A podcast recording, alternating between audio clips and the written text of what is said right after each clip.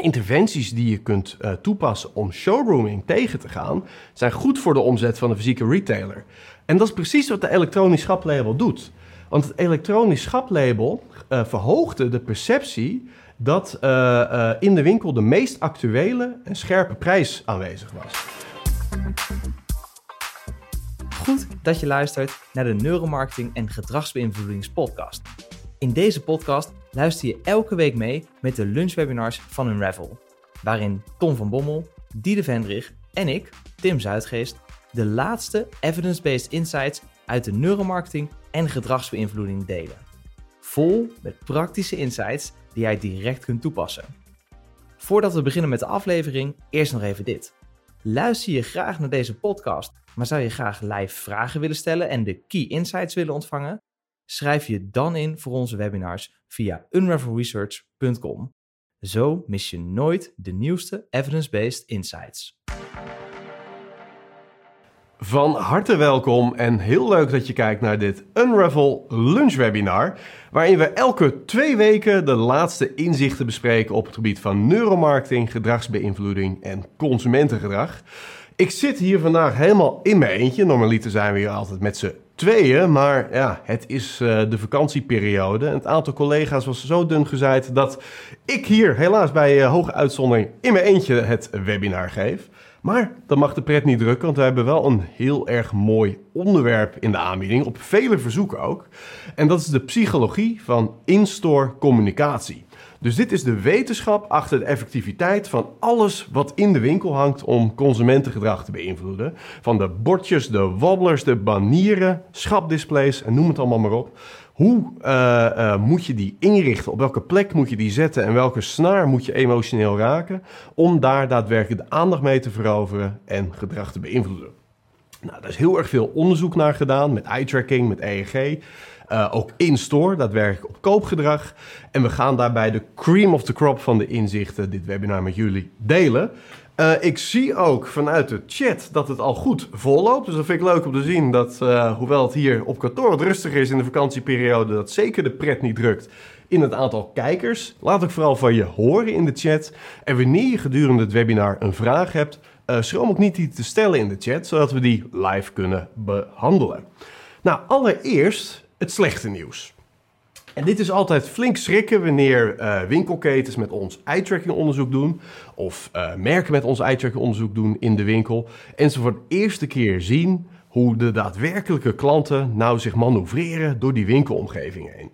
Wat je hoopt altijd, hè, wanneer je een bordje neerzet of een ander stuk communicatie in de winkel neerzet, dat dat wel door de grote gemene delen, de goede gemeente, gezien wordt.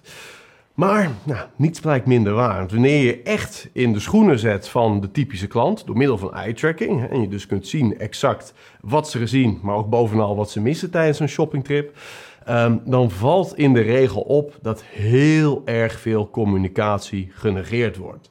En dat is ook niet zo gek, want ons brein is een lui orgaan, is er altijd op gericht om zoveel mogelijk uh, energie eigenlijk te behouden, zo min mogelijk te spenderen.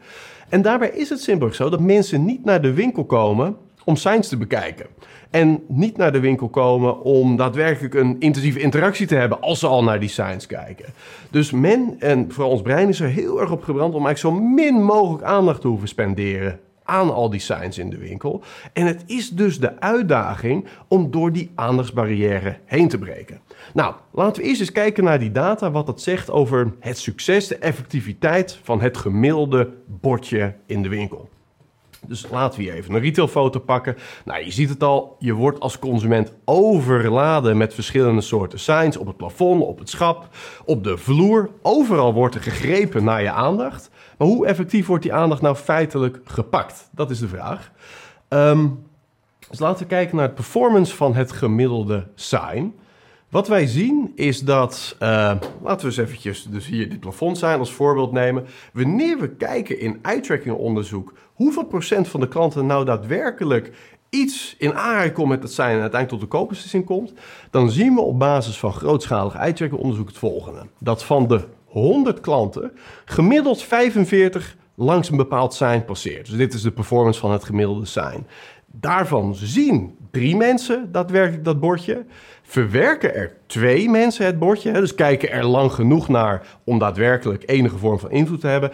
En daarvan is er één persoon die zich daadwerkelijk laat sturen in de koopbeslissing door dat bord. Dus dit is een behoorlijk, uh, nou ja, qua trechtermodel een domper voor velen. Want je hoopt natuurlijk dat het meer is. Het goede nieuws is wel, dit is de gemiddelde performance. Maar de performance van zijn tot zijn, dat verschilt echt enorm. En wanneer je psychologisch aan de juiste knoppen draait, kun je het succes behoorlijk vergroten. Door het type zijn, door de communicatie op de uh, signing, door de plaatsing ervan in de winkel zo slim mogelijk in te richten, behaal je een aanzienlijk hogere performance dan dat we hier nu zien bij de performance van het gemiddelde design, waar eigenlijk maar 1% uh, effectiviteit qua beïnvloeding uiteindelijk helemaal beneden dat filter plaatsvindt. Nou, daar gaan we naar kijken in dit webinar. We hebben de volgende onderdelen van, uh, van signing die we psychologisch gaan langslopen. En allereerst de verschillende types van POS-materialen en de plaatsing daarvan in de winkel. Wat doet dat nou met aandacht? Vervolgens gaan we naar designprincipes kijken. Dus wat kun je met design doen om meer aandacht te grijpen en eigenlijk ons luie brein luid te laten zijn? Want daar komt het op neer. Hè? Eigenlijk afstemmen op wat het brein wil. Vervolgens boodschap, dus gaan we wat meer naar de inhoudelijke kant van de signing kijken. Dus welke vormen van communicatie vinden wij inherent aantrekkelijk? Want om door die aandachtsbarrière heen te breken, zul je een boodschap op het brein moeten afvuren die eigenlijk automatisch de aandacht grijpt. Dat is niet iets waar we per se naar op zoek zijn, is niet iets waar we heel lang over nadenken, maar sommige boodschappen grijpen gewoon direct onze aandacht. En tenslotte POS-testing. Je kunt heel erg veel natuurlijk op basis van uh, de principes die we in dit webinar zullen bespreken. Maar wanneer je nieuwe POS-communicatie maakt, dan is het altijd zinvol om die te testen. Om bijvoorbeeld verschillende designkoersen te testen, verschillende boodschappen te testen. En juist omdat de effectiviteit van signing grotendeels onbewust verloopt, hè, wanneer we door de winkel lopen, wordt onbewust onze aandacht gegrepen en wordt onbewust een emotie geactiveerd door dat sign, is het ook zaak om dat onbewuste te kunnen meten. Nou, dat kan met neuromarketingonderzoek, met eye-tracking en optioneel aangevuld met EEG. En we gaan aan het eind wat voorbeelden zien van hoe die onderzoeksvormen eruit zien. Dus mooi scala aan onderwerp, dus laten we er gelijk induiken. En allereerst de verschillende types van signing. We zagen natuurlijk net, de gemiddelde performance van een bordje in de winkel is niet bijster hoog. Maar het verschilt wel heel erg van signing tot signing. En er is een grootschalig eye-tracking onderzoek geweest in 2014. En daar is deze data op gebaseerd. Uh, waar ze met 400 shoppers in verschillende winkels gewoon getest hebben hoe verhouden de verschillende displaytypes of verschillende signing-types, verschillende soorten van POS-materialen zich nou tot elkaar in de mate waarin ze aandacht grijpen van de klanten.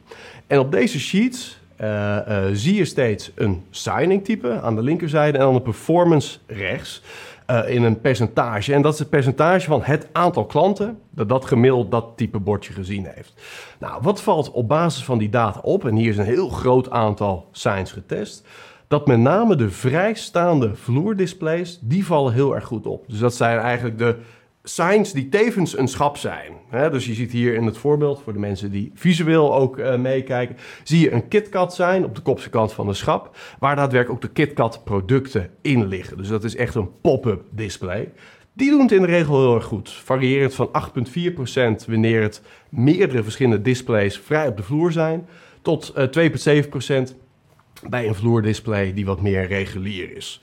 Um, dat zijn hoge aantallen en dit zijn dus echt uh, effectieve manieren om de aandacht van die klant te grijpen. Dus wanneer echt de signing geïntegreerd is met producten, dat maakt hem in de regel heel erg relevant. Nou, wat doet dat nou op koopgedrag? Ook daar is onderzoek naar gedaan. En het effect op de verkoop van de producten die in dat zijn gepresenteerd worden, die zijn behoorlijk hoog. In uh, uh, winkels, dus supermarkten, zien we een heel sterk effect van een gemiddeld 388% boost in de verkoop van de producten die in dat zijn gepresenteerd zijn. In farmacieën, dus drogisterijen in Amerika, was dit effect 107% toename. Dus een behoorlijk sterk effect, puur door meer aandacht te focussen op die producten. En daarmee ons luie brein luid te laten zijn, want het wordt een makkelijkere keuze.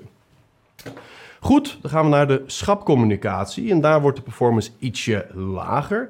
Kijken we naar schapbanners, dan zien we dat bij de uh, eindkapbanners 3,4% uh, performance gehaald wordt. En bij de niet-eindkapbanners, dat zijn eigenlijk de banners die zich bevinden in het gangpad zelf, 1,6% aandacht. Nou, gaan we naar de kleinere type signing, zoals het blade sign. Dat is zo'n sign dat uit het schap steekt. De wobbler, dat is zo'n wiebel sign dat uit het schap steekt. En de glazen stickers op de schappen varieert het tussen 1% en 0,5%. Dus hier wordt het bereik natuurlijk minder en minder. Uh, maar heb je vaak wel meer uh, frequentie. In de zin dat je natuurlijk meerdere uh, varianten van dezelfde uiting op het schap kunt plaatsen. Het is veel moeilijker om meerdere uh, productdisplays te plaatsen, maar je kunt natuurlijk wel makkelijk meerdere wobblers binnen een, uh, een, uh, een schapmeter zetten. Ten slotte, signs uit het plafond. En daar is de aandacht in de regel erg laag, omdat we niet erg geneigd zijn te kijken boven ooghoogte. Tenzij we ergens echt naar op zoek zijn. Dus dit werkt goed voor een navigationele signing. Maar voor commerciële signing, die dus beoogt om spontaan de aandacht naar een aanbieding of een product te krijgen, zijn die hoge signs in de regel niet bijster effectief. Goed. Dat zijn de uh, oh ja, goede vragen uit de chat. Iemand vraagt waar staat POS voor? Is een beetje een vakterm. Excuus daarvoor, dat is point of sale. Dus dat zijn de daadwerkelijke uh, borden die op de punt van de verkoop getoond worden. Ten opzichte van bijvoorbeeld communicatie voorafgaande aan de verkoop in de vorm van campagnes uh, op tv. Dus dit hele webinar gaat over point of sale communicatie. We hebben net gezien hoe de verschillende communicatietypes, dus de verschillende soorten bordjes, zich tot elkaar verhouden. Maar de positie waar je het plaatst is misschien nog wel van groter belang.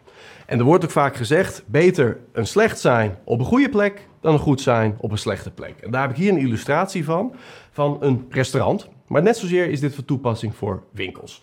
Je ziet hier twee uh, omgevingen van een McDonald's in Amerika, namelijk buiten hè, bij de entree op de parkeerplaats en binnen op het moment dat je je burger of wat je daar ook koopt gaat bestellen. Nou, hier is een sign getest met daarop een aanbieding van de week. Uh, identiek zijn op twee verschillende locaties. De eerste locatie was dus bij de deur. En daar zag precies 0% van de daadwerkelijke klanten dat zijn, gemeten met eye tracking. Dus uh, het percentage mensen met identiek uh, bij de entree is 0%.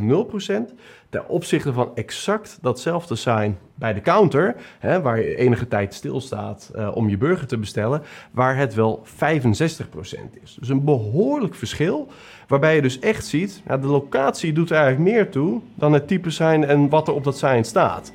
En waar heeft het nou mee te maken? Het heeft te maken met de mindset die men van locatie tot locatie heeft op de parkeerplaats, en zeker bij de entree, daar wil je door. Daar wil je de boel niet ophouden. Je hebt een hele duidelijke missie. En dat is doorlopen naar binnen dat restaurant in. En juist hoe gedecideerder de klant is, des te moeilijker het voor sign is, en voor alle vormen van POS-communicatie, om een stukje aandacht te grijpen. Want we weten wat we willen en wat we niet willen, is een bordje bekijken. Dus dat doen we ook niet. Maar op het moment dat wij even stilstaan en bijvoorbeeld aan het contempleren zijn of het wachten op onze bestelling, dan staan we ineens heel erg open voor nieuwe informatie. Hele andere mindset. En juist binnen die mindset kun je als zijn een voet tussen de deur krijgen, waardoor je zoals in dit voorbeeld ineens 65% aandacht krijgt. Daar waar het eerst 0% was met exact hetzelfde bordje. Dan is wel altijd de vraag die we ook vaak gesteld krijgen: welk product moet je nou pushen met het sign? Dus in het geval van uh, schapcommunicatie, waar je een specifiek product centraal stelt, heb je altijd het dilemma: gaan we dit sign richten op een product dat al populair is? in de hoop dat we de bestseller nog beter gaan laten verkopen. Of zet je juist een product in het zonnetje dat nu in de verkoop nog wat achterblijft. Nou, dat is getest en er is niet een gouden standaard in, maar wel een hele duidelijke richtlijn die afhankelijk is van het soort categorie. Want waar we het hier over hebben is visual lift. En visual lift is simpelweg hoeveel procent gaat de verkoop omhoog wanneer men even naar het bordje gekeken heeft. dus het product gezien heeft op het bordje. Nou, de impact daarvan, um, die blijkt namelijk af te hangen bij de mate waarin men de categorie impulsief koopt of gepland koopt. Bij impulscategorieën is het effectief om het meest populaire product te, uh, te tonen op, uh, op designing. En de reden is namelijk dat de klant nog altijd de optie daar heel erg heeft van... joh, ik koop überhaupt niks. En wanneer je juist een achterblijvend product op design toont... is de kans des te groter dat men nog steeds zegt... koop maar niks, ik loop gewoon door. En dus eigenlijk voor de default choice en namelijk gewoon doorlopen kiest. Um, dus daarbij heb je juist de kracht nodig van je bestseller om überhaupt de conversie van die categorie richting dat product te verhogen. Bij doelgerichte categorieën is dat geheel anders. Nou, wat is nou een impulscategorie? Wat is een doelgerichte categorie? Frisdrank, chips, dat soort dingen kopen we vaker op impuls, relatief. Doelgerichte categorieën zijn categorieën die echt steady met voorbedachte raden ofwel op het boodschappenlijstje of in het hoofd van, uh, van de shopper uh, stonden. En dat zijn vaak meer functionele producten, zoals tandpasta, uh, schoonmaakmiddel en dat soort zaken. En daarin blijkt het juist effectiever te zijn om je in je communicatie te richten op de achterblijvende producten. Want die hebben nog heel veel ruimte voor een boost, die je juist omdat men toch al bij die categorie gaat kopen, echt kunt verzilveren door die signing. Dus lang verhaal kort categorie en met name de koopmissie bij die categorie bepaalt of je de bestseller of de achterblijver op je sign zou moeten uh, afbeelden.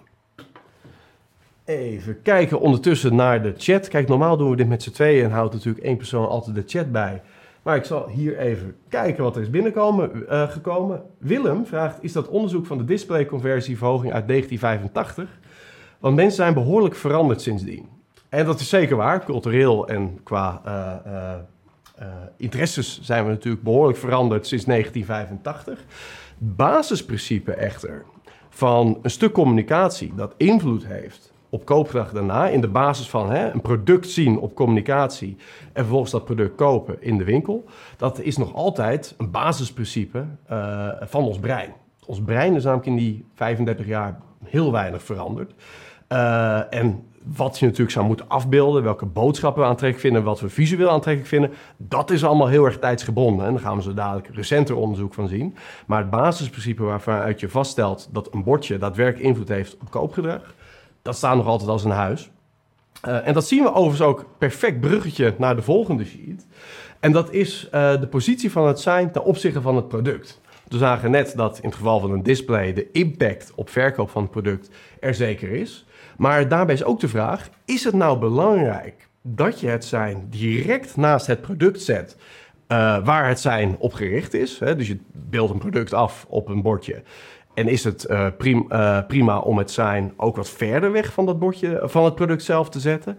Nou, ook dat is onderzocht. En dat bleek dus ook tevens uit dat grootschalige eye-tracking onderzoek met 400 mensen in 2014.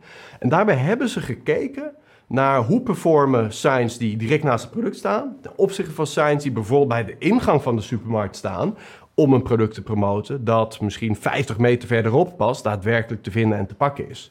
En uit dit onderzoek blijkt heel erg duidelijk dat het effect op koopgedrag meer en meer afneemt naarmate de afstand tussen sign en product toeneemt.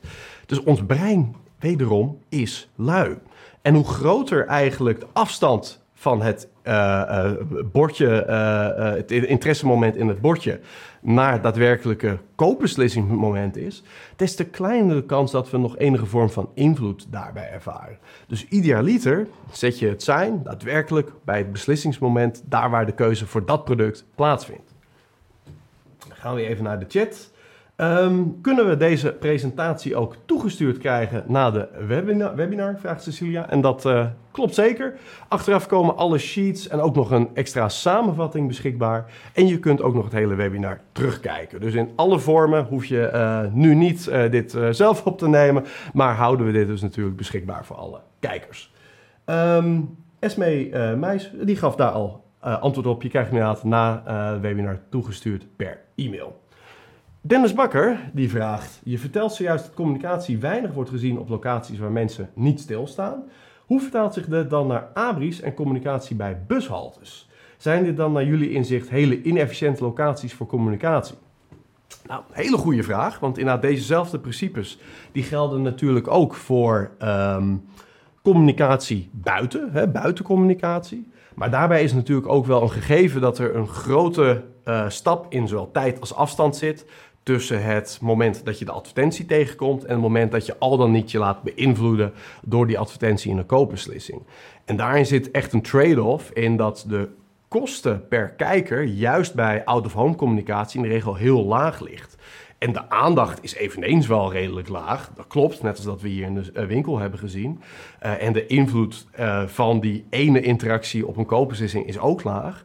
Maar omdat natuurlijk juist de, het bereik des te groter is, groter is ook dan bijvoorbeeld in-store communicatie, hou je daar netto uiteindelijk nog best wel wat aan over. Maar iedere afzonderlijke impressie is tamelijk waardeloos. Maar die 1 miljoen impressies bij elkaar, die je misschien met een week lang autofoon communicatie sorteert, is uh, uh, onder de streep weer best wel waardevol. In de winkel is het precies het omgekeerde. Hè? Daar heb je weinig impressies, maar elke afzonderlijke impressie is relatief waardevol omdat het dicht op die koopbeslissing zit. Yes. En dat waren alle vragen uit de chat. Nogmaals, ben je ook later dit webinar ingekomen en heb je een vraag over deze materie? Stel hem in de chat en we gaan dat live behandelen. Een ander punt over uh, signing positie in de winkel, dus de plaatsing en de locatie ervan, heeft te maken met ons zicht. Want we hebben namelijk twee vormen van visie, zien we met eye-tracking onderzoek. Je hebt een centraal zicht, daar waar je eigenlijk de hele tijd geneigd bent te kijken en waar je daadwerkelijk een sterke focus hebt en daadwerkelijk wel tekst kunt verwerken, waar dat binnenkomt. En dat is maar eigenlijk zo klein als een dubbeltje, blijkt. Dat is onze centrale visie en dat is echt waar we onze aandacht op focussen. En we schieten daar de hele tijd heen en weer om eigenlijk steeds gaten in informatie te dichten. En ons brein maakt er dan een vloeiend geheel van. Maar we zien dus eigenlijk per fixatie steeds maar heel erg weinig. En we focussen dat met name op het gebied van 1,20 meter tot 1,60 meter. Je hoort wel eens eye level is bij level. Nou, het is eigenlijk net daaronder, want we zijn vanuit hoe onze wervelkolom is opgebouwd, iets meer geneigd in een lichte hoek naar beneden te kijken. Wat betekent dit nou? Dat eigenlijk alles dat hoger is dan die 1,60 meter en alles wat lager is dan die 1,20 meter, dat is ons perifere zicht. Dat is wanneer wij centraal kijken een stuk blurrier, dus dat is als het ware één grote vaas. En daarin vallen eigenlijk alleen dingen op als we daar a priori naar op zoek zijn. En wat bedoel ik daarmee? Wanneer je bijvoorbeeld als koopmissie hebt om, ik zeg maar, Coca-Cola te kopen en je zoekt daarnaar en in jouw perifere zicht, dus dat blurry zicht hoog, zie jij die kleur rood, dan detecteer je alsnog, hé, hey, dat sluit precies aan op mijn koopmotivatie, namelijk Coca-Cola, en je richt daar vervolgens je centrale zicht op. Echter, Wanneer je juist niks gepland hebt als klant en je niet een bepaalde koop, uh, zoekopdracht hebt, dan zul je eigenlijk alles in dat perifere zicht negeren. Dus alles waar je niet naar op zoek bent, zal eigenlijk in dat perifere zicht ook niet door je koopmotivatie of door je aandachtsbarrière heen breken. Dus wanneer de POS-campagne erop gericht is een impulsaankoop uh, te versterken, dan is dit dus reden om dat echt in dat centrale zicht te brengen. Want in perifere zicht zul je daar dus weinig effect sorteren. Het enige wat in de regel heel goed werkt, juist in die grotere hoogte, is navigatiesigning. Nou, dat zie je heel duidelijk op deze sheet.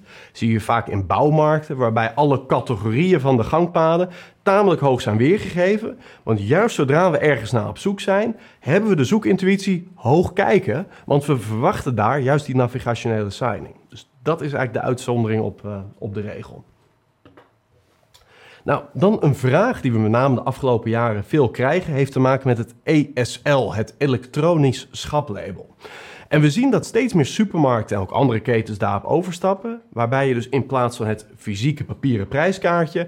Uh, bij ieder schap een elektronisch label hebt. waarop zowel de prijs staat weergegeven. als soms wat extra overtuigende informatie om dat product te kopen. Nou, is dat goed? Of slecht voor sales. Hè? Helemaal hoog over wanneer je de overstap maakt op een elektronisch schaplabel. Is dat goed of slecht voor sales? En dat even afgezien van de mogelijkheid die je natuurlijk als winkel verkrijgt met die elektronische schaplabels om je prijzen dynamisch te veranderen. Nou, dat laatste is wanneer je dat slim toepast, uiteraard goed voor sales. Maar ik heb hier puur de vraag: is het feit dat jij als winkel elektronische schapkaartjes hebt in de perceptie van de consument, is dat goed voor hun koopgedrag? Dat is heel recent onderzocht. En ik stond hier eerlijk gezegd best wel van te kijken. Want uit dat onderzoek blijkt dat puur het aanbieden, tonen van elektronische schaplabels, verhoogt verkoop in fysieke uh, winkelketens. En dit staat dus helemaal los van de prijsstrategie. Ze hebben hier dus eigenlijk AB-tests gedraaid in verschillende winkels. En ook uh, gewisseld met verschillende categorieën. Waarbij sommige categorieën elektronische schaplabels tonen, andere categorieën papier. Was ook omgewisseld weer bij andere winkels. En de prijsstrategie was precies hetzelfde. Dus op die elektronische labels stonden precies dezelfde prijzen als dat in de andere winkels op de papieren labels zouden staan. En wat blijkt? Men koopt meer bij elektronische schapkaartjes. En hoe kan dat? Nou, dit is heel erg interessant. Men ging minder showroomen. En showroomen, dat is echt de aardsvijand van de fysieke retailer. Dat is namelijk dat iemand in die fysieke winkel staat, zijn telefoon erbij pakt en gaat kijken waar kan ik dit product online goedkoper vinden. En dan zien ze gelijk, hé, hey, nou, Amazon uh, kan ik het voor uh, eh, 10 euro minder verkrijgen. Ik bestel het daar wel. En soms bestellen ze dat ook niet ter plekke daar fysiek in de winkel. Schaamteloos. Nou, dat is natuurlijk uh, een doorn oog van fysieke retail. Het is een demper, demper op, uh, op de omzet die gehaald kan worden. En eigenlijk alle interventies die je kunt uh, toepassen om showrooming tegen te gaan, zijn goed voor de omzet van de fysieke retailer. En dat is precies wat de elektronisch schaplabel doet. Want het elektronisch schaplabel verhoogde de perceptie dat in de winkel de meest actuele en scherpe prijs aanwezig was. Want bij een, fysiek schaplabel, dus papieren prijskaartje, hebben mensen sneller de perceptie, ja, die prijs die, uh, die gaat er al een aantal maanden mee. Mogelijk kan ik het ergens anders online goedkoper krijgen.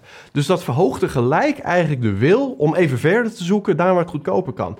Terwijl digitaal zal wel scherp zijn. En daarmee bleef die telefoon, die mobiele telefoon, veel vaker in de binnenzak. En ging men dus al converteren in de winkel zelf. Alright, even kijken in de chat. Daar is niks nieuws binnengekomen. Dus we gaan naar het volgende onderdeel en dat is design. Dus wat zijn de designprincipes en de do's en don'ts om met je schapcommunicatie meer aandacht te verkrijgen in de winkel en ook meer conversie natuurlijk te bewerkstelligen voor je producten? Nou, daar is heel veel onderzoek naar gedaan. Veel al met eye tracking. En dat is wel echt de gouden standaard om dit te doen. Omdat heel veel van dit soort processen vanuit een, schap, een stukje communicatie op koopgedrag verloopt onbewust. De aandacht grijpen met een stuk schapcommunicatie wordt in een split second gedaan. invloed uiteindelijk op een koopbeslissing eveneens. Dus dat zijn dingen die kun je bijna niet uitvragen. Maar je kunt wel met eye tracking meten, hey, welke kaartjes pakken nou aandacht? Welke niet? Wanneer wordt het wel gelezen en wanneer niet? En daaruit zijn een aantal designprincipes voortgevloeid die we uh, nu gaan doorlopen. Um, en het eerste designprincipe, en dat mag bijna geen verrassing zijn, dat is het belang van simpliciteit. En hoewel het een open deur is, hoef je maar een gemiddelde supermarkt in te lopen en je ziet nog altijd wel dit principe uh, met voeten getreden worden. Want men is eigenlijk maar heel weinig bereid om tekst te lezen op in-store signing. Zoals we eigenlijk al zeiden aan het begin van dit webinar, men komt niet naar een winkel om bordjes te lezen. En ze doen dat dus ook niet. En wanneer bordjes de indruk wekken dat er veel gelezen moet worden, is dat eigenlijk al reden om het bordje maar geheel te negeren.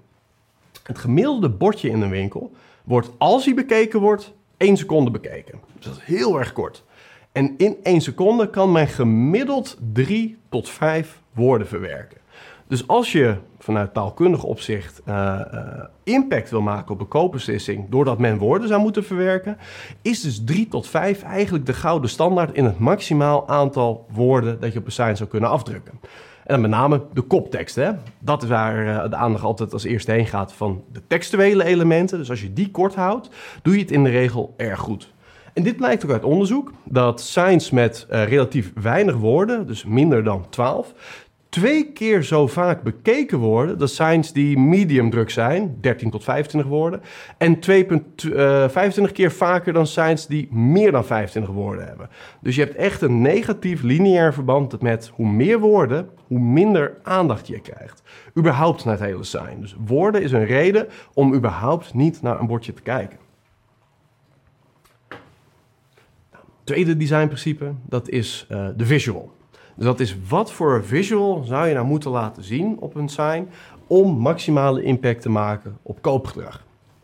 En hierbij moeten we stilstaan van hoe maakt eigenlijk een bordje impact op koopgedrag? Nou, het doet twee dingen. Het verhoogt aandacht voor het product waar het bordje bij hoort. En het doet het ook op zo'n manier dat je meer positieve emotie ervaart naar dat product. En je raadt het al, juist die visual is je uh, meest machtige wapen om die positieve emotie te versterken. Uh, en er zijn een aantal technieken voor. En het is een beetje categorieafhankelijk en koopmotivatieafhankelijk. Welke van deze tools het meest effectief zijn in jouw geval. Maar we gaan gewoon een aantal praktische dingen doorlopen. En dan wordt het vanzelf duidelijk. Um, even kijken of ik. Ja. Een van de makkelijkste manieren om goed te scoren met een sign is heel duidelijk het product te tonen. Want juist die koppeling van product op het bordje naar product in de winkel is de meest belangrijke overbrugging om daadwerkelijk impact te maken op sales. Dus daarbij toon de fysieke uh, verpakking of toon het fysieke product, zoals het ook in de winkel te vinden is, is eigenlijk de makkelijkste manier om het voor het brein heel hapklaar te maken. Dit bordje is voor dat product en daarmee dus de aandacht voor dat product te vergroten. Een tweede is toon de droom. En dat klinkt een beetje abstract, maar dat is simpelweg het tonen waarvoor men het product gebruikt. Nou, het geval, geval van veel uh, voedingsproducten is het in een maaltijd. En is het dus sterk om niet alleen standalone het product te tonen of een Italiaans landschap te tonen in het geval van uh, een pasta, maar ook daadwerkelijk een maaltijd waarin het gebruikt is. En ook de sociale context waarin die maaltijd nuttigt. Want je moet je altijd de vraag stellen: waarom gebruikt men dit product? En waarom willen ze dat? En waarom willen ze dat? Hè? De five whys eigenlijk. En hoe dieper je komt, hoe beter je eigenlijk beseft welke context je zou moeten tonen op een bord om emotioneel de juiste snaar te raken. Parfum, in het voorbeeld wat je hier op deze sheet ziet van Hugo Bos, waarin een man uh, bijzonder veel aandacht ziet krijgen van een vrouw, uh, is de reden dat uh, veel mensen parfum gebruiken. Namelijk om aantrekkelijker gevonden te worden. Dus je wil eigenlijk op zo'n bord, en dat zie je veel al gebeuren wanneer je de ICPRI inloopt, iets tonen dat onderstreept je wordt aantrekkelijker door het gebruik van dit product. Heel erg belangrijk voor parfum, niet zo belangrijk voor die pasta waar we het net over hadden. Dus hierin zie je heel erg, het is categorieafhankelijk van wat visueel goed werkt. Wat in de regel ook goed werkt, is gebruikscontext. En dan met name wanneer je dat vanuit de eerste persoon ziet. En dit heeft te maken met mentale simulatie. hoe makkelijker we eigenlijk onszelf kunnen voorstellen hoe het is om het product te gebruiken, des te groter de kans dat we dat ook doen. Dus je wil eigenlijk als het ware spoonfeeden wat de persoon uiteindelijk zal ervaren wanneer ze jouw product kopen. Daar ga ik zo dadelijk wat visuele voorbeelden van laten zien. Um, en de laatste is een foto schieten tijdens beweging. En dat bedoel ik dat je een foto zou kunnen schieten van iemand die stilstaat of een product dat stilstaat, bijvoorbeeld een glas sinaasappelsap. Maar je kunt het ook doen terwijl er een beweging plaatsvindt. Je schiet natuurlijk een statisch shot, maar die wordt genomen gedurende de beweging, waardoor je dat glas sinaasappelsap volgeschonken ziet worden. En de persoon bijvoorbeeld tijdens het lopen uh, fotografeert, waardoor er een bepaalde dynamiek in de foto ontstaat. Juist die dynamiek lijkt heel erg goed te zijn om aandacht te grijpen. Dus foto's geschoten tijdens beweging doen het in de regel heel erg goed. Nou, het tonen van gebruikscontext, uh, met name vanuit de eerste persoon, zien we de laatste jaren heel succesvol toegepast worden. We zien hier een mooi voorbeeld van uh, McDonald's, waarbij je dus steeds de burger ziet, geschoten vanuit het perspectief van de persoon die de burger eet. En dat is natuurlijk het perspectief waarmee wij de hele dag de wereld om ons heen ervaren. En een perspectief dat wij heel erg prettig vinden, omdat het mentale simulatie helpt.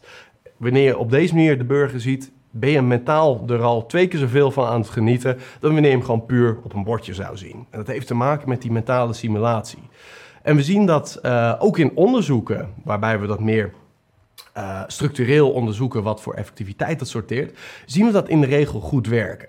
En is een bekend onderzoek van een aantal jaar geleden met uh, POS-communicatie van Duplo. Dat is een soort kinderbraino, maar dan de naam in Duitsland. En daarbij hebben ze een groot aantal bordjes getest en met name visuals getest van Duplo. En sommige tonen een persoon met een context, andere tonen Duplo met een tandenborstel. Ik weet helemaal wat daar de, de bedoeling van was. Eentje is Duplo die gebroken wordt, dus het reepje chocola dat in tweeën gebroken wordt. En er is er eentje en die deed het allerbest op verkoop. Uh, dat is uh, waarbij iemand anders jou een reepje Duplo aanreikt. Dat is de uh, foto die je hier linksbovenin ziet. En wat blijkt nou? Zowel op sales als op de neurotest blijkt juist die foto het best uit de bus te komen. Wanneer het mensen bewust vraagt van welke visual vind jij het meest aantrekkelijk, was het juist een van de minder scorende. Dus we weten bewust niet wat ons uiteindelijk aantrekt tot de verkoop. Want gaan we altijd rationaliseren. En gaf zelfs de meerderheid van de mensen aan, ja, die foto met die tandenborstel, dat zal wel werken, want dan zie je die tandenborstel en ik weet niet, dan hebben we een wat gezondere associatie met het product. Hoe dan ook, overrationalisatie was niet wat we in de winkel zagen. Wat er in de winkel gebeurde, dat was een reepje aangereikt krijgen. Dat is waar jouw brein het meest van gecharmeerd was.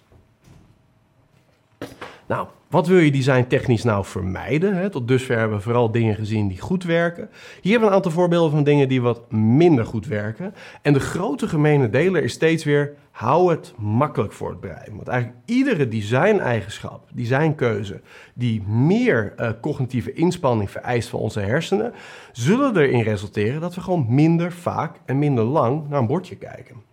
Zo simpel, uh, daar komt het op neer. En een daarvan is vermijd tekst over afbeeldingen.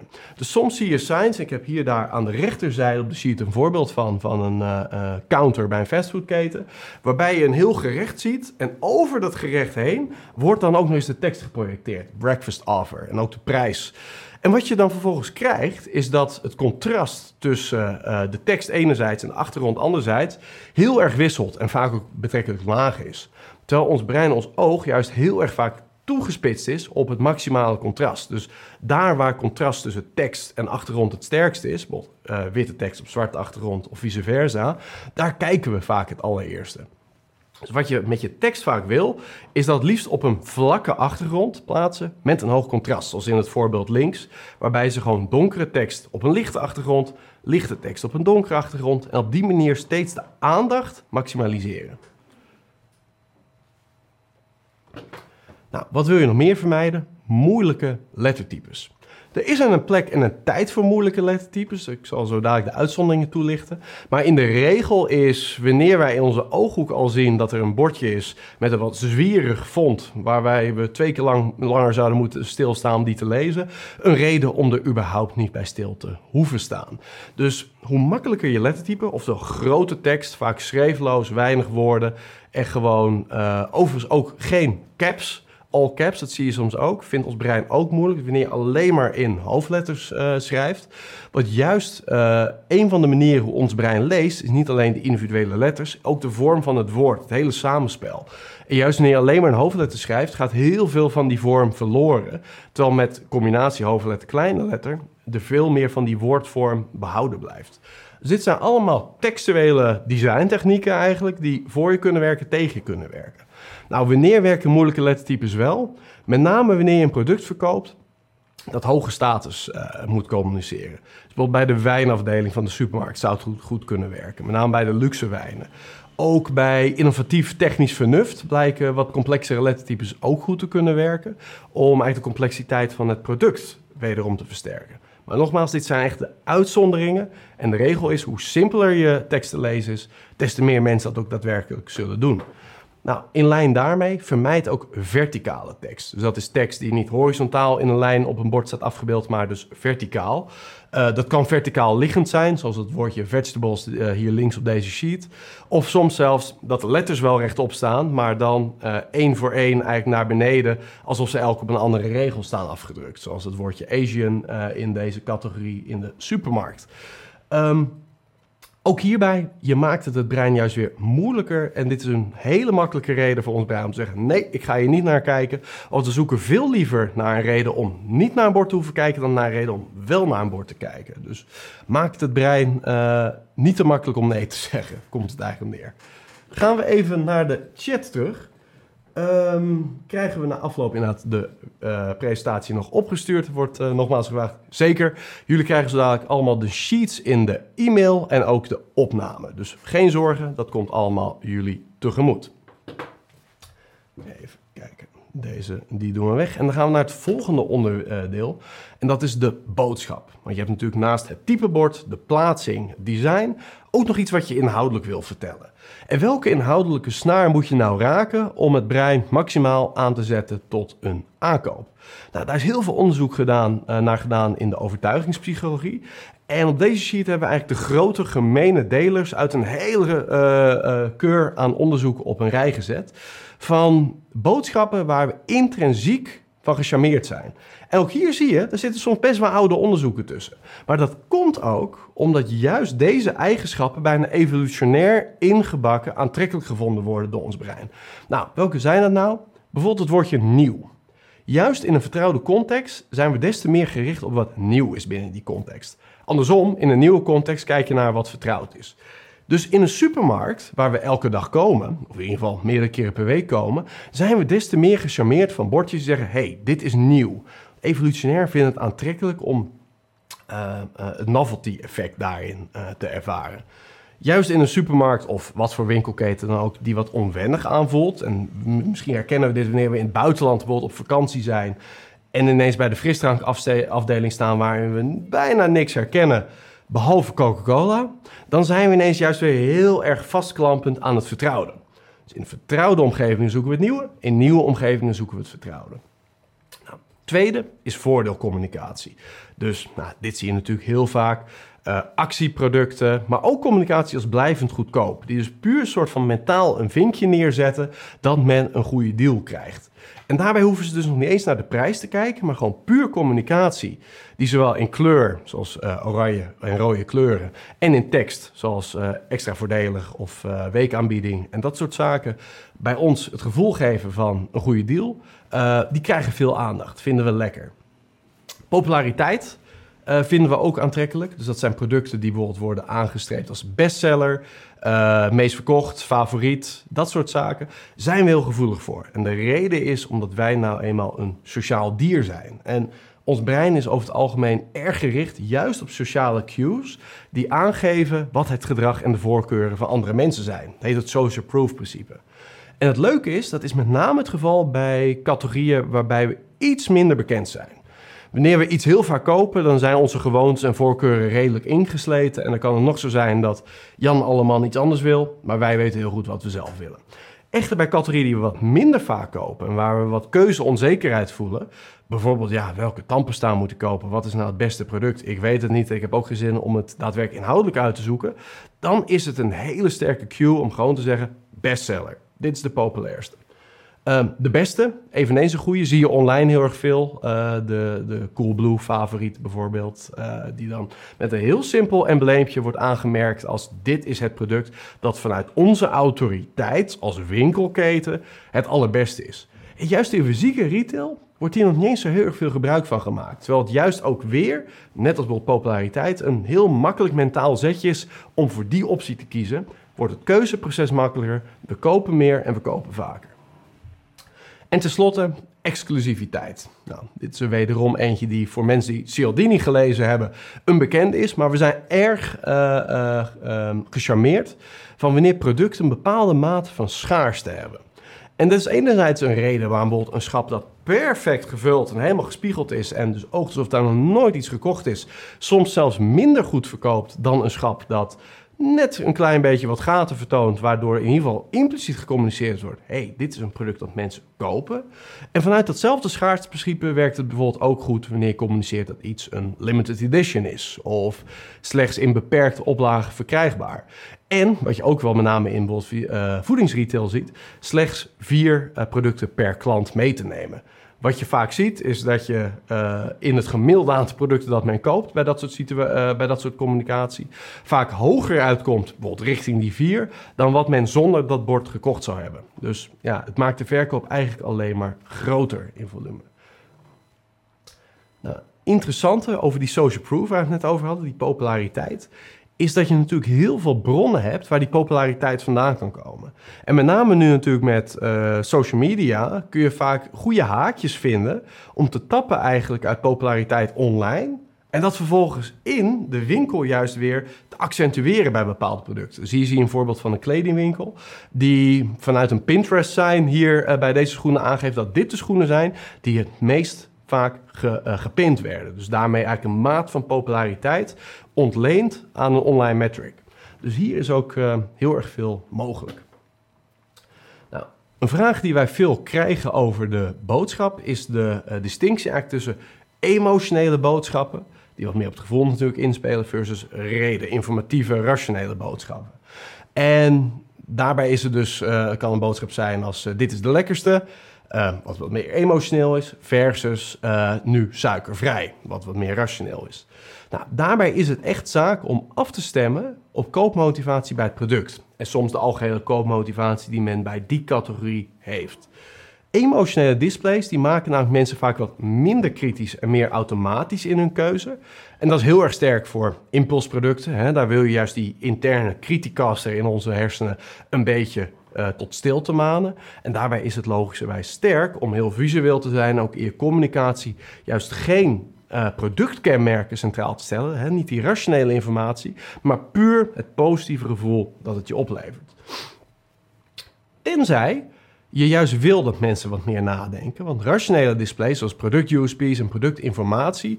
die verhogen de adoptie van onbekende producten omdat je juist meer gaat nadenken, wordt de kans groter dat je vanuit dat nadenken als het ware uit je reguliere gewoonte stapt. En dit is dus een heel interessant principe voor met name nieuwkomers in de markt. Denk bijvoorbeeld aan een frisdrankmerk. Stel je hebt een nieuw product. Dan is dus juist om een voet tussen de deur te krijgen in die markt... het effectief om een wat rationele route te bewandelen in het begin... En zodra mensen wat meer nou op automatische product kopen, op den duur weer de emotionele kant op te gaan. Dus emotie en ratio is voor allebei wat te zeggen, maar ze maken een andere mindset los bij het publiek. Dan voordat we naar het volgende onderwerp gaan, kijk nog even naar de chat. Daar is niks nieuws bij gekomen. Uh, nogmaals, heb je vragen of uh, andere discussiepunten? Schroom niet die natuurlijk ook in de chat te noemen, want dan kunnen we die live behandelen. Dan naar het laatste onderwerp. Want we hebben tot dusver heel erg veel verschillende uh, technieken behandeld, best practices behandeld, die je eigenlijk gelijk kunt toepassen om effectiever gebruik te maken van je schapcommunicatie. Maar dat zet maar tot zover zoden aan de dijk. Het is natuurlijk altijd gunstiger om specifiek, wanneer je een nieuwe POS-communicatie ontwikkeld hebt, uh, die te testen en daarbij ook verschillende koersen te testen om te kijken wat voor jouw product, voor jouw doelgroep, voor jouw categorie het allerbeste werkt. En voorheen was het altijd heel erg moeilijk. Want met klassiek onderzoek zou je dat dan uitvragen. En juist met uitvragen is het heel moeilijk om inzicht te krijgen in dit hele intuïtieve en tamelijk onbewuste proces van aandacht en koopactivatie die uitgaat van uh, POS-materialen. Heel erg vaak gaat dat in enkele honderden millisecondes. Ik bedoel, meer dan dat is het niet. Gemiddeld leest men of kijkt men één seconde naar een bordje. En het is heel moeilijk om uit te vragen wat er nou feitelijk in die ene seconde gebeurt. Want zodra je iemand een vraag stelt, gaan ze al veel langer dan dat stilstaan bij het bordje. En dat heeft als gevolg gehad dat voor hele lange tijd op basis van dat klassieke onderzoek rationele borden uh, hoger gewaardeerd werden, eigenlijk op basis van al die onderzoeken, dan wat feitelijk het geval was. Als je rationeel uitvraagt, dan krijg je rationeel antwoord en dan komen je rationele POS-materialen als winnaar uit de bus. Dat is echt niet de mindset waarmee men in de winkel staat. Nou, vandaag de dag, dankzij neuromarketing, kunnen we juist wel een POS-materiaal meten vanuit de mindset die men in de winkel heeft. Kun je dus letterlijk de aandachtsprocessen meten, zoals die in de retailvloer uh, plaatsvinden. En ook de uh, emotionele processen vanuit EEG, dus een hersenmeting meten, die plaatsvinden in precies die seconde dat men naar het bordje zou kijken. En daarbij is wel altijd de vraag, hoe presenteer je nou die stimuli? Dus vaak toon je een schapcontext en daarbinnen bevindt zich een POS-uiting of meerdere POS-uitingen. En vaak heb je daar natuurlijk ook verschillende condities.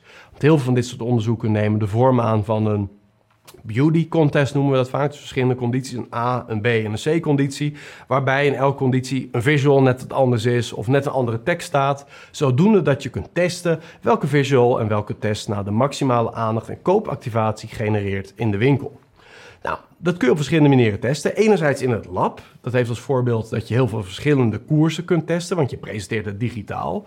Het is snel, het is relatief uh, uh, voordelig. Het is echter ietsje onrealistischer. En daarbij heb je natuurlijk de tegenhanger om het in de winkel te testen. En dat is heel wat realistischer, maar je hebt minder experimentele controle. Dus er is natuurlijk heel veel ruis in die winkel die van, respondent tot respondent een beetje verandert. Uh, die ervoor zorgt dat de aandachtsprocessen zoals je die meet verstoord kunnen raken. Dus gewoon het aantal producten in het schap, de drukte bij het schap, tijd van de dag. Dat zijn allemaal elementen die natuurlijk in die winkel best wel veel invloed kunnen hebben op je data. Waardoor je gewoon meer respondenten nodig hebt om tot conclusies te kunnen komen. Um, en het is ook moeilijker op te schalen. Want wanneer je verschillende condities van één bepaalde uh, POS-communicatie-uiting wil, uh, wil testen, uh, dan moet je dus eigenlijk op dag 1 uiting A testen, vervolgens dag de winkel ombouwen en dan uiting B testen. Met wederom een hele nieuwe groep respondenten. Is kostbaar, is traag, dus heeft lang niet altijd de voorkeur. Nou, tegenwoordig kunnen we het best of both worlds samenbrengen. En dat is namelijk met uh, virtual reality onderzoek. Want wat je hierbij doet, is eigenlijk in een digitale winkelomgeving mensen daadwerkelijk rond te laten lopen, maar dan binnen gecontroleerde omstandigheden. Binnen de mogelijkheid om verschillende varianten van die schapcommunicatie binnen diezelfde respondent uh, te kunnen presenteren. En dat levert dus eigenlijk uh, een uh, perfecte situatie op, waarbij je en veel varianten kan testen en die experimentele controle behoudt binnen een realistische omgeving. En dat is wat wij veel doen in onze neurocommunicatietest uh, voor in-store point-of-sale communicatie. Om dus grote onderzoeken te kunnen doen, waarbij we veel verschillende varianten testen van uitingen van een bepaald merk. Nou, het ziet er als volgt uit. Dus hier zijn wat, wat beelden vanuit onze Albert Heijn. En hierin zie je dus live de eye-tracking van een virtual reality omgeving, waarbij tevens een EEG-headset is geplaatst op het hoofd van de respondent, waarbij we dus ook de emotionele reactie tijdens het zien van die POS-communicatie in kaart kunnen brengen. En dat levert een heel realistisch en tevens nou ja, zuiver beeld op van wat die POS-communicatie doet. En wat kun je daar nou mee? Nou, er zijn eigenlijk twee varianten van dit onderzoek. Het eerste is eye tracking only. En daarmee kunnen we dus meten hoeveel reach, hè, dus hoeveel procent van de klanten, een uiting zou zien. En op basis daarvan kun je natuurlijk verschillende uitingen meten. Het ziet als volgt uit. We kijken daarbij met name, en dit is een voorbeeld trouwens van, uh, van output, vandaar de lorem ipsum tekst. Maar we kijken naar twee eye tracking metrics. En dat is de eerste, hoeveel procent van de mensen ziet het bordje überhaupt? Heel erg belangrijk. Verreweg de belangrijkste metric als het gaat om het voorspellen van de impact van die communicatie. En daarnaast time to first fixation. Dus hoe snel ziet men dat bordje? En dat wil je liefst zo snel mogelijk hebben. En door verschillende varianten van een bordje te testen, kun je op die manier dus meten wat de winnaar is in de winkel. En die dus het meeste aandacht zal sorteren in de winkel, vandaaruit de maximale impact maakt op verkoop. Nou, daar kun je ook EEG aan toevoegen, dus daar kun je hersenactiviteit aan toevoegen. En wat je dan ook krijgt, zijn twee neurale metrics die eveneens iets zeggen over de met name verwerkingskant van die communicatie. Dus eye tracking zegt of het gezien wordt, EEG zegt wat er feitelijk gebeurt zodra men kijkt. We kijken daarbij naar twee metrics. Als eerste verlangen, dat is de hoeveelheid koopmotivatie die men ervaart op het moment dat ze naar het bordje kijken. En die wil je zo hoog mogelijk hebben. Borden die goed scoren op verlangen, doen het in de regel correleren dus sterk met daadwerkelijke impact op verkoop vanuit het bord. En daarnaast hebben we een tweede metric en dat is workload. En workload is hoeveelheid moeite die het brein moet verrichten uh, om dat bordje te verwerken.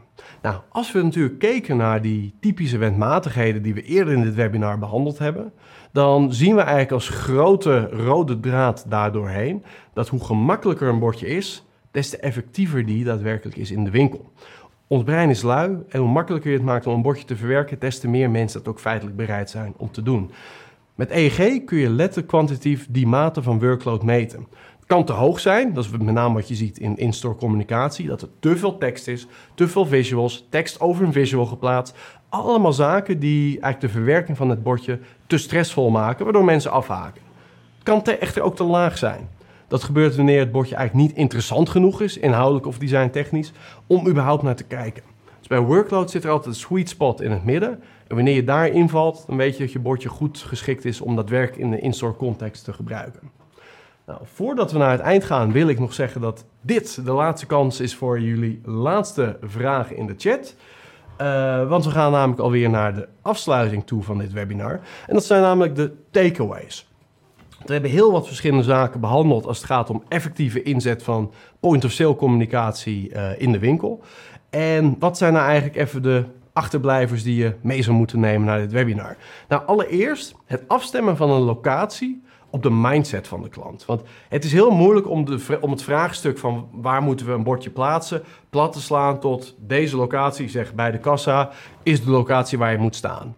Dat kan op zich zo zijn, maar het is nog sterker wanneer je inzicht hebt in de reden waarom dat zo is. En het heeft altijd te maken met welke mindset heeft een klant op dat punt in de winkel. En hoe doelgerichter die mindset is, des te minder open een klant staat om überhaupt stil te staan bij communicatie. Nou, daar zag je natuurlijk het perfecte voorbeeld van bij McDonald's. Identieke signing. Bij de deur keek niemand ernaar. Diezelfde signing bij het bestelmoment had ineens 65% aandacht.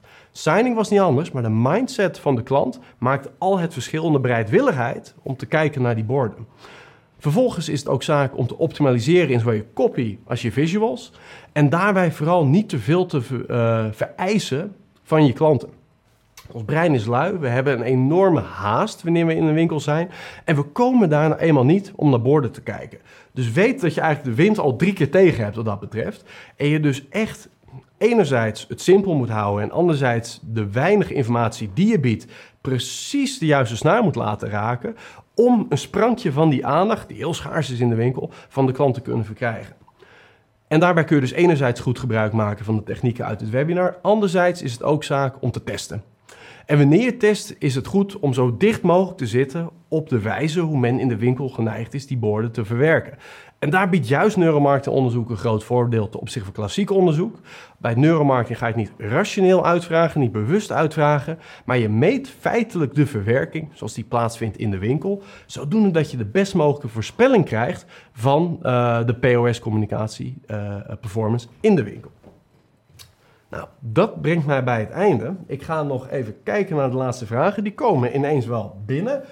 Uh, Jamie die vraagt: wat is je advies voor POS van producten die niet direct door de consument gepakt kunnen worden, maar bijvoorbeeld bij de servicebalie liggen? Dat vind ik een hele goede vraag, want hier kunnen we inderdaad op basis van onderzoek ook een, een goed advies over geven. Het lijkt namelijk zo te zijn dat uh, wanneer juist de drempel tot het kopen van het product groot is, mensen veel minder uh, uh, bereidwillig zijn het product te kopen. Dat blijkt al zo te zijn wanneer bijvoorbeeld de impulsproducten zoals die nu bij de supermarkt liggen, niet voor het oprapen bij de kassa liggen, uh, maar je naar moet vragen aan de kassamedewerker om die voor jou te laten pakken. Ineens veel minder mensen dat doen. Dat zou trouwens een hele goede nut zijn tegen de wat meer ongezonde artikelen die daar liggen. Ik weet niet of de retailers daar zin in hebben. Maar ditzelfde principe hindert ook precies waar je naar refereert. Namelijk dat wanneer een communicatie vanuit dat bord wat dan gelezen wordt vereist dat men naar een medewerker loopt en ergens naar vraagt. Uh, in de regel een enorme drop-off krijgt omdat mensen dat simpelweg niet doen. En hoe duidelijker jouw call to action is om dat wel te doen in de communicatie, des te groter de kans dat je wel die conversie krijgt. Dus wat je eigenlijk wil hebben, lang verhaal kort, is een super duidelijke korte call to action wat men moet doen. Oftewel, vraag ernaar bij de kassa, en het liefst nog op locatie specifiek, voor in de winkel om dit product te kunnen kopen. Dus ga er nou niet vanuit dat mensen impliciet dat er wel uitpikken. Doen ze niet. Maar wees ultra concreet in je call to action wat men daar in de winkel zou moeten doen. Mara die vraagt, heeft de virtuele winkelomgeving geen invloed op het gedrag van de participant? Ik kan me voorstellen dat mensen zich misschien anders gedragen wanneer ze normaal shoppen en wanneer ze in dat ongewone omstandigheden doen. Dat is absoluut waar. Uh, want het is nou eenmaal zo dat wanneer je voor de eerste keer zo'n headset opkrijgt, uh, je wellicht al door de verwondering daarvan met een wat andere blik natuurlijk producten zou bekijken en dergelijke dan dat je in de winkel doet. Echter voor hetgeen wij willen meten, namelijk de aandacht voor schrapcommunicatie, blijken de resultaten heel goed één op één op één te leggen. En daar is ook recentelijk een onderzoek naar gedaan. Die zit overigens niet in deze presentatie, maar kan hem wel toelichten. En in dat onderzoek hebben ze een schap getest in twee omstandigheden. Enerzijds in de winkel en anderzijds identiek dat schap in een virtual reality omgeving. En vervolgens hebben ze op basis van beide groepen uh, heatmaps gemaakt van waar de aandacht in het schap uh, uitging. En die heatmaps die waren eigenlijk nagenoeg identiek. Zeker met het oog op uh, het detecteren van performanceverschillen tussen verschillende varianten van POS-uitingen. Dus ja, het klopt. Uh, de omgeving is anders en op bepaalde vormen van gedrag en aandacht zal die veranderingen doorwerken. Maar niet op de gebieden waar we naar op zoek zijn. Dat is namelijk de hoeveelheid aandacht die verschillende POS-uitingen krijgen. Uh, Willem die vraagt: geldt voor narrowcasting uh, video hetzelfde of is dat een hele andere categorie? Is een hele interessante. Um, kijk, veel van deze principes gelden zeker voor narrowcasting, want het is niets anders dan wederom een vorm van communicatie die cognitief taxerend is. Ook die wil je simpel houden. Uh, echter heb je met narrowcasting één extra troef in handen en dat is dat je beweging kunt tonen. En beweging werkt heel erg vaak ontzettend goed, omdat ons brein juist geënt is om aandacht te vestigen wanneer er iets beweegt. Echter, dat doet het wel met name in omgevingen die relatief relaxed zijn, dus waar niet heel veel beweging is. Wat je echter krijgt, en dat zien we soms gebeuren, wanneer er heel veel narrowcasting is en dus een soort van circus wordt, gaat de aandacht juist meer uit naar objecten die stilstaan. Dus daarbij is het niet zozeer de zaak van wees bewegend of wees stil. Nee, het is zaak van wees anders dan de overdaad en alle andere informatie om je heen. Nou, narrowcasting kan daar een troef in zijn, maar wanneer je de hele winkel volgooit met narrowcasting, is juist je nieuwe troef een oude papieren bordje. Dat is een beetje waar het neerkomt. Jimmy die vraagt: uh, zit er onderscheid tussen POS met het doel om sales en POS met het doel om te informeren, bijvoorbeeld om duurzaamheid, CRM en eigen merk?